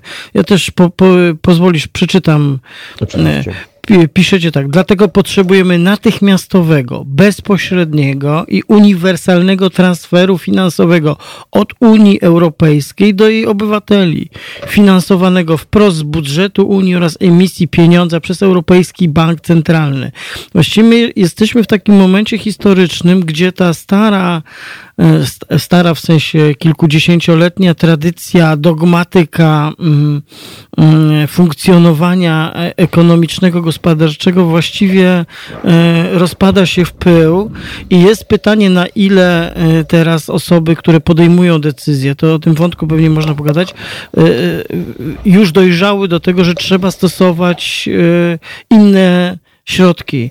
E, środki, które są środkami nadzwyczajnymi, środkami, które, które się pojawiają e, w sytuacjach, w których e, takiego czegoś, co nam się kiedyś kojarzyło z taką katastrofą, to, była, to, była, to był stan wojny. I nagle, kiedy jest stan wojny, to się okazuje, że te pieniądze są, bez przerwy są, płyną, powstają, że to jest tak wielka potrzeba, że nagle wszystkie tradycyjne reguły, formalne ograniczenia, nie wiem, wyznaczone wskaźniki przestają reagować. I dzisiaj trochę chyba chodzi o to, też rozumiem, żeby zobaczyć ten wymiar tego, co się dzieje z gospodarką i żeby zastosować takie właśnie rozwiązania, czy tego typu. I tu bym chciał, żebyś to jakoś może rozwinął, mhm. skomentował i dopowiedział. E, oczywiście. No, no tutaj, tutaj mamy do czynienia z kolejnym paradoksem, bo my w Polsce e, troszeczkę jesteśmy wyłączeni tak jak obserwuję spoza tego głównego nurtu y, y, dyskusji ekonomicznej dotyczącej koronawirusa, w Polsce ciągle jeszcze słychać takie pytania, skąd rząd znajdzie pieniądze mhm. E, e, na sfinansowanie. I, I, śledząc tą prasę zagraniczną, śledząc media amerykańskie, zachodnioeuropejskie, no, no, naprawdę już prawie nikt nie zadaje tego rodzaju pytań poza absolutnie skrajnymi środowiskami, nie wiem, libertarian albo, albo innych kontestatorów systemu. E, warto powiedzieć, że w Stanach Zjednoczonych kongres razem z, z Fedem i z, z, prezydentem przeznaczyli już prawie 4 biliony dolarów na, na, na, na walkę z tym kryzysem. Całość środków, które będą wydane do końca roku na walkę z koronawirusem szacuje się na bagatela 10 bilionów dolarów, czyli jakieś, tak jak sobie liczyłem, 11-12% PKB Ziemi. E, to jest naprawdę dużo. E, I jednocześnie, czyli z jednej strony e, praktycznie wszystkie państwa, które zmagają się z tym problemem, są zdecydowane na to, żeby żeby, żeby zwiększać wydatki publiczne, finansując je z długu, to znaczy to, to co potocznie nazywa się wiem, drukowaniem pieniędzy albo w języku Oczywiście nie jest to to samo, to, to samo określenie, ale w takim, takim w języku e, bankowości mówi się na przykład o luzowaniu ilościowym czy interwencji banku centralnego na, na rynku wtórnym papierów wartościowych, tak jak mamy do czynienia to w, Polsce teraz. No tak mówiąc, e, mówiąc, mówiąc wprost, te drukowane pieniądze, które polegają na tym, że Mm, prezydent z, z, szefem banku centralnego podejmują decyzję, że te pieniądze będą, one od dawna się e, e, są, są tworzone dokładnie w ten sposób w gospodarce. Tak, na, na tym w dużym stopniu polegała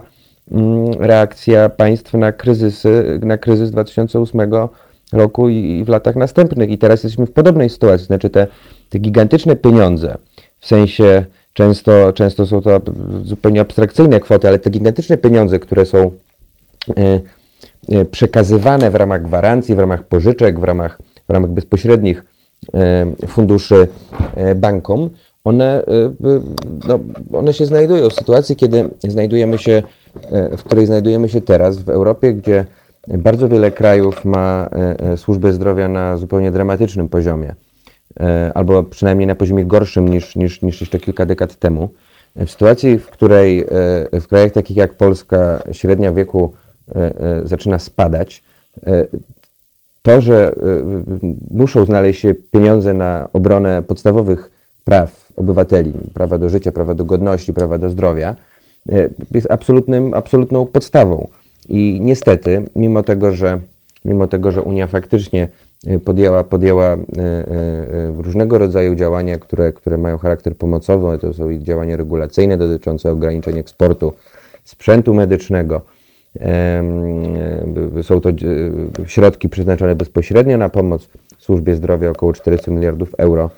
E, e, to, e, to, to te, te, te, sumy, które pojawiają się w kontekście walki z, z skutkami pandemii, czy samą pandemią, no są, no, przykro to mówić, ale one są śmieszne, tak? Mhm. Około 100 miliardów euro, które, 100, 120 może, 120 miliardów euro, które na razie jest wprost przekazane mm, w ramach Unii Europejskiej, to jest jakieś 40 razy mniej niż, niż na te cele przeznaczają Amerykanie.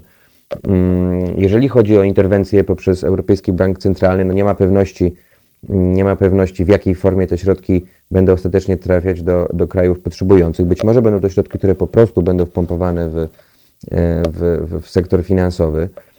E, tutaj kolejny, kolejny aspekt dotyczy, dotyczy tego, dotyczy, do, do, do, dotyczy dyskusji, którą, którą toczą, która toczy się no w, samym, w samym sercu Unii Europejskiej o to, czy należałoby wyemitować obligacje, euroobligacje, e, które miałyby, które miałyby pokrycie no, w, w całej Unii Europejskiej, nie tylko w strefie euro, mówiąc tak, tak, tak, tak w skrócie. No i tutaj te kraje, które, które z jednej strony, no właśnie tutaj mamy, no, nie, mówiąc w skrócie, między innymi Niemcy i, i, i Holandia są tymi krajami, które są przeciwne tym, tym krokom. Więc widzimy, że mimo tej bezprecedensowo poważnej sytuacji, która, która, która dotyka nas wszystkich, no niestety nie tylko na poziomie polskim te targi i spory polityczne ciągle trwają. E, I, mhm. także, na poziomie, także na poziomie europejskim E, ta reakcja powinna być znacznie, znacznie poważniejsza.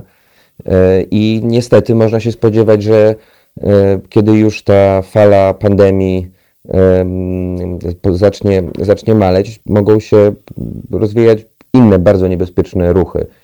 Dzisiaj, dzisiaj dosłownie dzisiaj przeczytałem, przeczytałem informację mm, dotyczącą no, nowego sondażu dotyczącego poparcia dla Unii Europejskiej we Włoszech. I niestety jest to e, e, skok od, od około 50, znaczy skok, skok mm, e, głosów przeciwnych byciu Włoch w Unii Europejskiej z poziomu 50 kilku procent do około 70% procent hmm. w miesiąc. Tak więc no, nie trzeba być jasnowidzem, żeby widzieć, w jaką stronę może się rozwijać sytuacja w, w Unii Europejskiej, w której granice będą częściowo tylko otwarte, w której będą duże problemy z bezrobociem i z recesją, w związku, w związku po prostu z, z przystojem gospodarczym, w którym w każdej chwili może wybuchnąć kolejna faza problemów migracyjnych, tak, ponieważ no, Wiemy, że to nie do końca jest kwestia tylko i wyłącznie polityki europejskiej. Filipie, I te zróbmy, podstawy są niestety kruche. Mm, zróbmy, teraz, e, e, zróbmy teraz chwilę oddechu. E, jest tak, że słuchamy tu też muzyki. I teraz wysłuchamy przez chwilę muzyki i wracamy do tej rozmowy i o tym dokumencie, o tej sytuacji, o koniecznych zmianach i o tym, co się wydarza wokół E, wokół tego trzęsienia ziemi, e, które przeżywamy za przyczyną e, pandemii koronawirusa. Moim rozmówcą jest Filip Konopczyński z Fundacji Kaleckiego, a teraz będzie grał i śpiewał dla nas White Snake. Halo Radio. Gadamy i trochę gramy.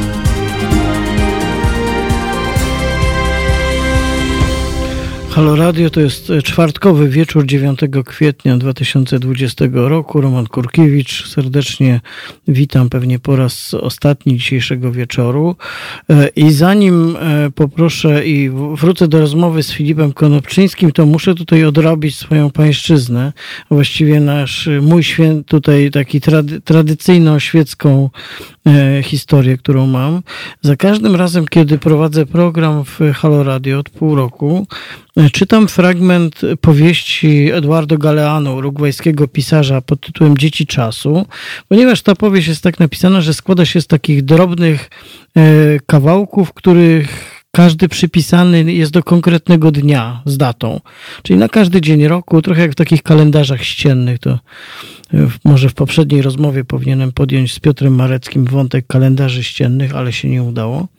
I, I dzisiaj e, nie przeczytałem na samym początku, ponieważ wyjątkowo podejrzałem sam początek tekstu wcześniej i uznałem, że to do naszej rozmowy pasuje jak ulał. Ten Galeano Filipie czasem się wpisuje niesamowicie w to, co, w to, co tu rozmawiamy, a nie, nie może to być ustawione, więc, więc chciałem to mm, przetrzymać do teraz i sobie na szczęście przypomniałem, więc pozwolisz, że zanim wrócimy do rozmowy o pacjencie Europa, to ja przeczytam e, Galeano na 9 kwietnia e, i zobaczymy, jak to nam pasuje. E, tytuł rozdziałiku jest Zdrowy rozsądek. W 2011 roku po raz drugi Islandczycy nie posłuchali poleceń Międzynarodowego Funduszu Walutowego. Fundusz i Unia Europejska zdecydowały, że 320 tysięcy mieszkańców Islandii powinno wziąć na siebie bankructwo banków i spłacić ich międzynarodowe długi po 12 tysięcy euro na głowę. Ta nacjonalizacja na odwrót została odrzucona w dwóch referendach. To nie jest nasz dług. Z jakiej racji mamy go spłacać? W świecie, który w czasie kryzysu finansowego kompletnie zwariował, niewielka wyspa zagubiona na północnych wodach udzieliła nam wszystkim solidnej lekcji zdrowego rozsądku. Więc zobacz, jak literatura, że tak powiem, kroczy obok i wkracza w taką rzeczywistość, bo rozmawiamy właściwie też o takim zjawisku, jak na nowo i inaczej reagować na kryzys. Jak w tym kryzysie nie kierować pomocy i głównego zasilenia i takiej w ogóle niewyobrażalnej skali pomocy w stronę, w stronę najsilniejszych zawodników, tylko zupełnie gdzie indziej. O tym jest też, o tym jest też ten wasz list w jakimś sensie, prawda? E, tak, no on jest, e, jest, jest właśnie o tym. Tutaj mówiąc, tutaj padła Islandia. Ja pamiętam, że w okolicach, nie wiem, 2010 roku oglądałem jakiś reportaż o właśnie kryzysie finansowym e, w Islandii i tam zapadła, zapadła mi w pamięć wypowiedź jednego z rozmówców, starszego człowieka, takiego w ramach sądu ulicznej, który, który właśnie został zapytany o to, co się stanie, no bo tutaj Mm, jak zmieni się jego życie, kiedy, kiedy, kiedy y, nadejdą konsekwencje kryzysu finansowego. Już było wiadomo, że praktycznie wszystkie islandzkie banki, które, które, które no bardzo agresywnie inwestowały przed 2008 rokiem, y, y, będą musiały ogłosić plajtę. No i ten starszy człowiek niewzruszony powiedział, że on przez większą część swojego życia nosił jedne spodnie i jadł śledzie E, I jeżeli teraz znowu będzie musiał do tego wrócić, to świat się nie skończy. I, I wydaje mi się, że tutaj, tutaj trochę, trochę jest to żart, a trochę, trochę, trochę tak jest. To znaczy ta sytuacja, ta sytuacja z tym lockdownem, z tym, z tym paraliżem gospodarek, społeczeństw, ruchu społecznego, tak, znaczy ruchu, ruchu takiego ludzkiego, w pewnym sensie relacji międzyludzkich, no to, to, to, to cofnęło nas trochę cofnęło nas trochę do, do, do takich podstawowych spraw, do tego, że, że myślę, że wiele osób teraz, teraz zadaje sobie takie naprawdę fundamentalne pytania.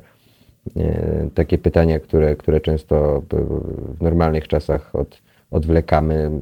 Zastanawiamy się, kto jest dla nas naprawdę bliską osobą, e, gdzie chcemy spędzić e, najbliższe tygodnie czy miesiące, mm, o czyje, o, o czyje zdrowie i, i, i, i dobrobyt naprawdę się troszczymy, komu chcemy pomóc i, i tak dalej, i tak dalej. I wydaje mi się, że tak nawiązując i wracając do pacjenta Europa, to, to, jest, to jest właśnie ta szansa, żeby te europejskie wartości, które są nie tylko zapisane nutami w, w Europarlamencie, ale także, także y, przez wszystkie przypadki odmieniane w wystąpieniach polityków w zasadzie wszystkich frakcji, to w zasadzie wszędzie w Europie, albo może już nie wszędzie,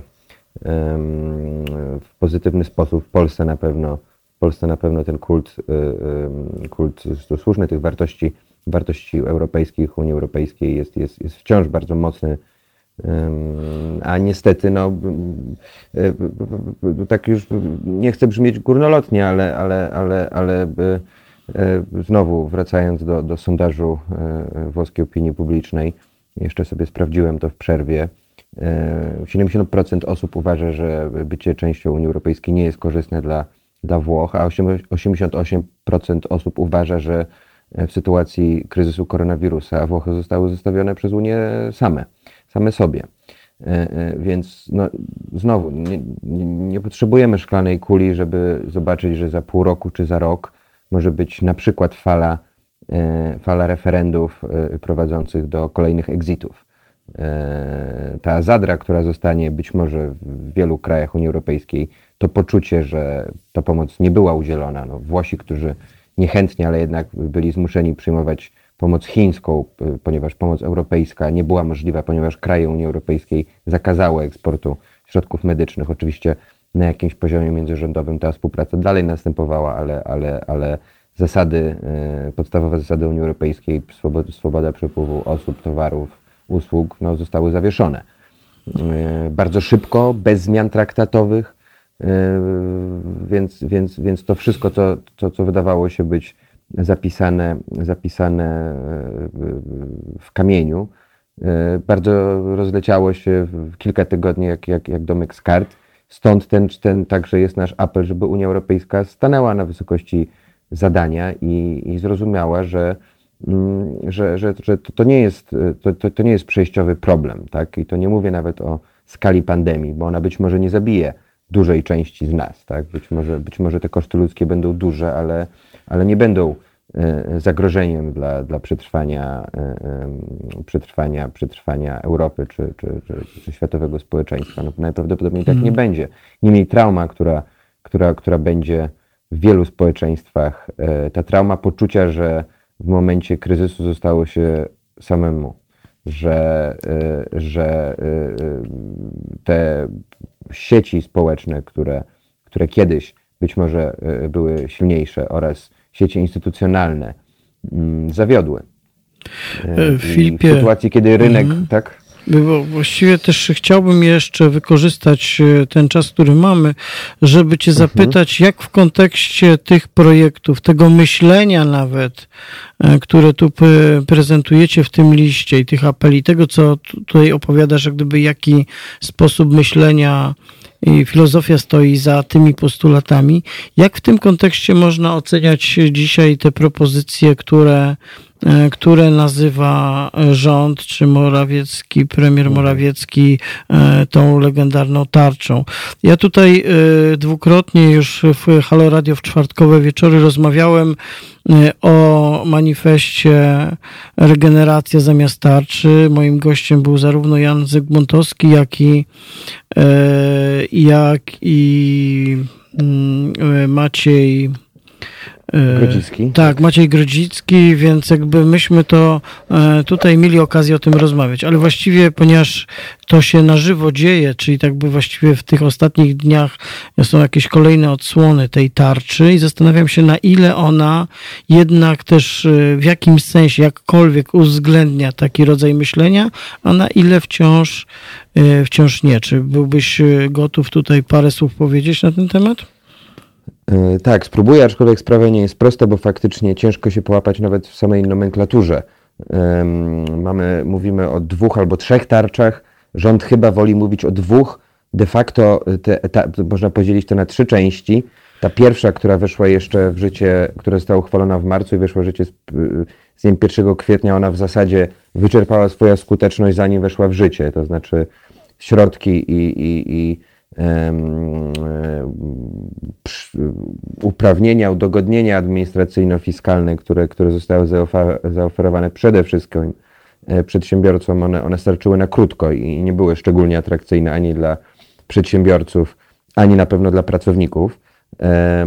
Wręcz przeciwnie, w wielu, wielu zapisach były to regulacje po prostu niedobre dla, dla, dla, dla związków zawodowych czy dla, czy dla po prostu e, jakości jakości i warunków pracy.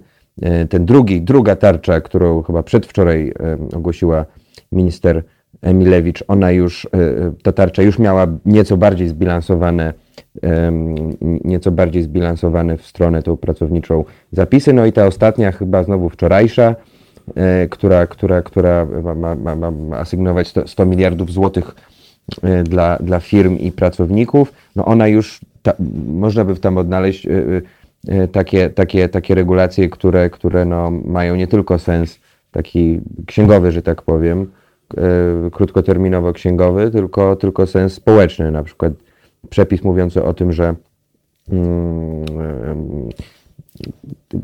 jednym z warunków uzyskania nisko oprocentowanego i być może, albo z dużym prawdopodobieństwem umorzonego kredytu na te trudne czasy jednym z warunków dostania, otrzymania od, od, od, od państwa takiego kredytu jest to, że nie będą dokonywane zwolnienia załogi. Tak? No to, to jest właśnie przykład takiego działania, które z kolei wcześniej w większym stopniu wprowadziła Hiszpania.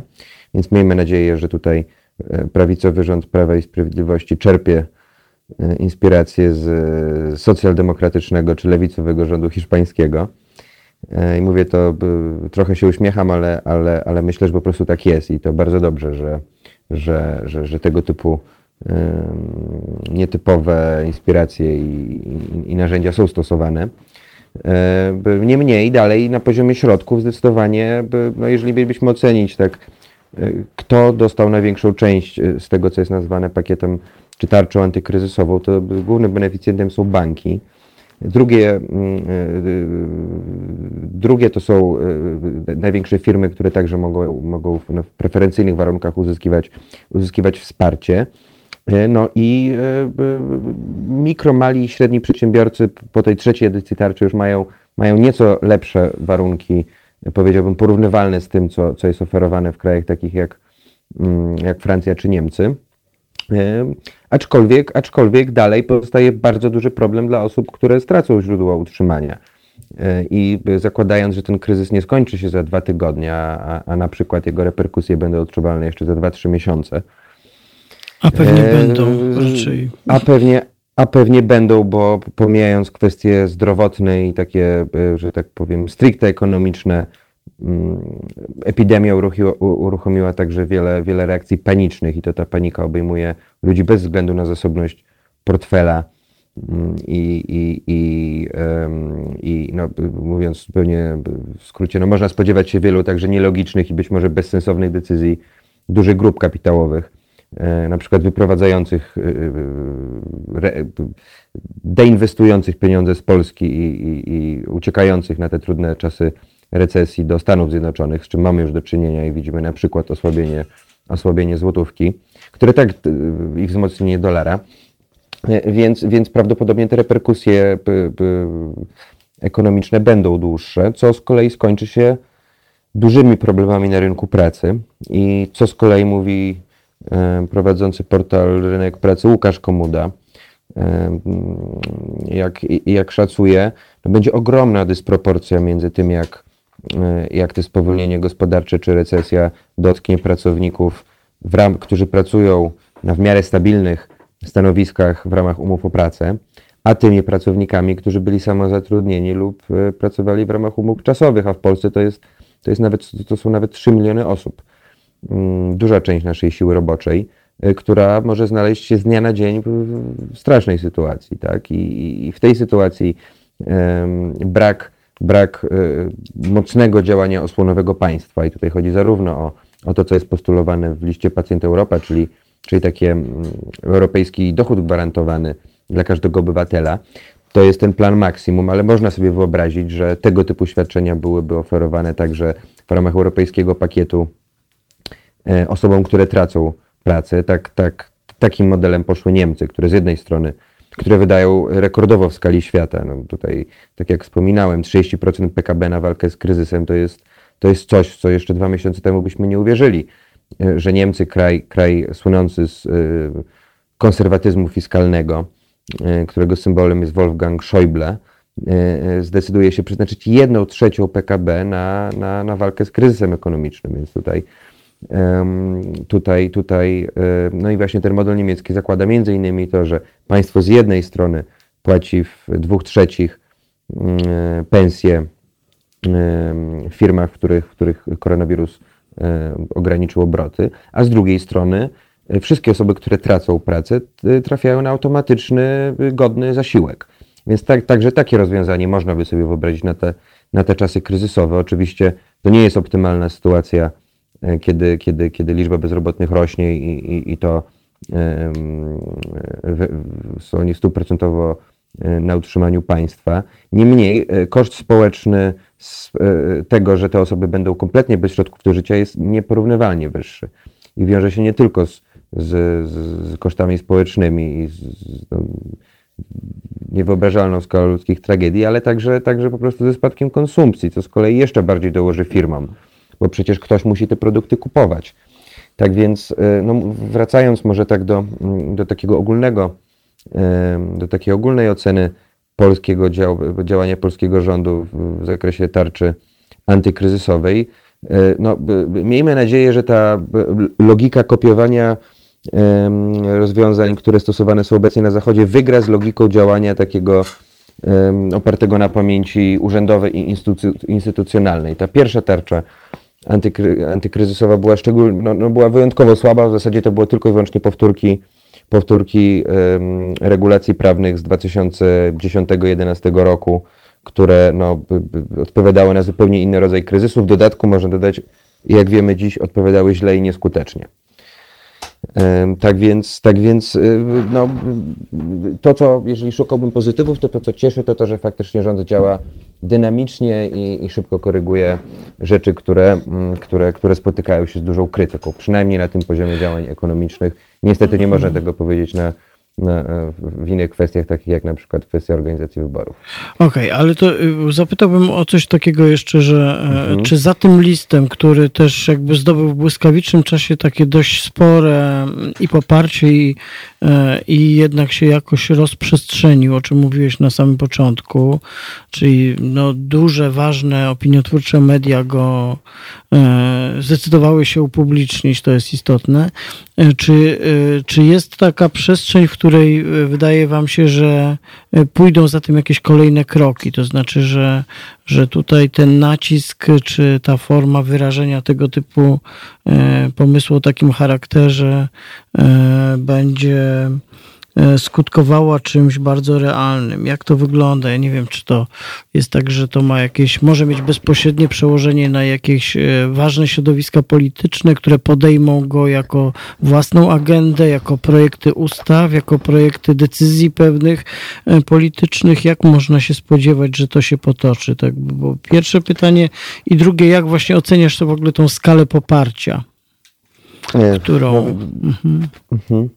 E, jeżeli chodzi o, o ten aspekt polityczny, to wśród sygnatariuszy listu e, znajdują się osoby o tak odmiennych poglądach jak, jak na przykład Adrian Zandberg i, i Tomasz Tyrlikowski, pozostając na polskiej scenie, więc, więc tutaj e, jedna z idei, która przyświeca inicjatywie jest, jest to, żeby no, maksymalnie, w maksymalnym stopniu łączyć wszystkich tych, którzy, którzy cele humanistyczne i cele społeczne stawiają sobie wyżej niż, niż jakkolwiek rozumiane interes gospodarki, który, który, który, który byłby przeciwny interesowi społecznemu. Tak? Więc to jest, to jest to wydaje mi się, że oczywiście byłoby idealnie, gdyby, gdyby, gdyby, gdyby stronnictwa polityczne przyjęły to, te postulaty jako program. Oczywiście wiemy, że wiele osób, wiele środowisk, wielu polityków, wielu intelektualistów, wielu badaczy występuje z podobnymi inicjatywami i no, to nie jest tak, że to jest jedyny taki tego typu głos. A jeżeli chodzi o, o dalsze kroki i to, co będzie z inicjatywą przyszłości, jestem przekonany, że e, to, co zostało rozpoczęte, czyli dyskusja, będzie kontynuowana i w tych, w tych czasach, w których wszyscy jesteśmy poniekąd uwięzieni e, w sensie fizycznym, e, w sensie fizycznym, no, w, w bardzo takich ograniczonych przestrzeniach. Te połączenia, które możemy nawiązywać za pośrednictwem technologii, ale jakby ich treścią jest, są, są pewne idee, wartości, są nieograniczone, więc tutaj, tutaj zupełnie sam jestem pod dużym wrażeniem i w pewnym sensie zaskoczony, jak, jak, jak, jak, jak wspaniałe, ważne i, i no, także pochodzące z różnych ścieżek życia osoby zdecydowały się wesprzeć tą inicjatywę, więc jestem, jestem przekonany, że ta dyskusja po prostu będzie trwała trwała dalej. Myślę, że będzie przebiegała, przebierała różne formy. E, w ramach, w ramach inicjatorów rozmawiamy zarówno o, o formach takich dialogicznych, dyskusjach, formach publicystycznych, ale, ale tutaj myślę, że jest troszeczkę za wcześnie, żeby przesądzić, jak, jaką, jak, jaką ostatecznie formę przebierze ta inicjatywa. Mm, ale no, także, mam, także mam pewność, że, że, że, ta, że tej energii jest coraz więcej i, i wyjdą z tego dobre rzeczy. I tak długo, jak będzie można apelować o, o, o, o, o, tą solidarność na poziomie europejskim, ale także na poziomie e, no, takim międzyludzkim, to, to, to, to, to, to, to, to po prostu to będzie, będzie robione. W każdym razie serdecznie zachęcam do, do lektury listu tak e, jest. Pacjent Europa. Tak, właśnie to był dobry chyba, e, dobry taki wątek na, na puentę i na zakończenie tej rozmowy. E, zapraszamy Państwa do lektury tego tekstu. Być może też dla Państwa będzie ciekawa lektura osób, które ten apel, ten apel wsparły. No i myślę, że po pierwsze my będziemy tutaj, ja na pewno będę jakoś obserwował dalsze odsłony mm, tego myślenia i tego ducha, który apelu płynie.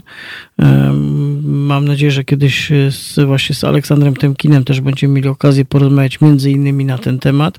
E, chciałem e, po prostu kończąc już e, rozmowę i dzisiejsze spotkanie w Halo Radio podziękować Wam wszystkim, którzy nad powstaniem tego listu pracowaliście i też właśnie za tą robotę intelektualną, którą wykonujecie, że, że, że po prostu jest sytuacja, w której mamy szansę, nie wiadomo czy z niej skorzystamy, ale mamy szansę z tego kryzysu wyjść mądrzejsi niż z wielu innych i że być może doktryna szoku Naomi Klein nie będzie po raz kolejny najlepiej opisującą książką e, to, co się wydarzy po, po pandemicznej przygodzie świata w 2012 roku, czego sobie i Państwu hmm. Ziemi, e, całej Europie i Polsce życzę.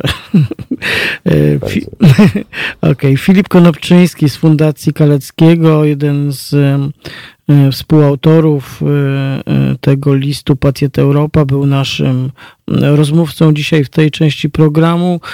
My się już z Państwem żegnamy, my, czyli Halo Radio, Kajte, który realizował nasz program dzisiaj od 15, więc już czas na odpoczynek. Bardzo dziękuję wszystkim słuchaczom i słuchaczkom. Filipie też kłaniam się pięknie, dziękuję za rozmowę. Mm. Państwa, e, cóż, zapraszam do słuchania Halo Radia zawsze, kiedy możecie, wspierania nas, kiedy, e, kiedy możecie. Dziękuję jeszcze raz za dzisiaj zakończoną zbiórkę, która pozwoli nam e, tutaj prowadzić bogatsze rozmowy w studio, czyli że będzie możliwość rozmawiania z dwoma osobami naraz, co umożliwiliście swoją, jak już wcześniej mówiliśmy, szczodrobliwością za co Wam się e, kłaniamy i dziękujemy pięknie. Ja życzę w takim razie dobrej nocy, bezpiecznych e, świąt dla tych wszystkich, którzy je obchodzą, dla pozostałych również życzę wszystkiego dobrego i zdrowia i, i bezpiecznego czasu. I w takim razie do usłyszenia. Dziękuję bardzo.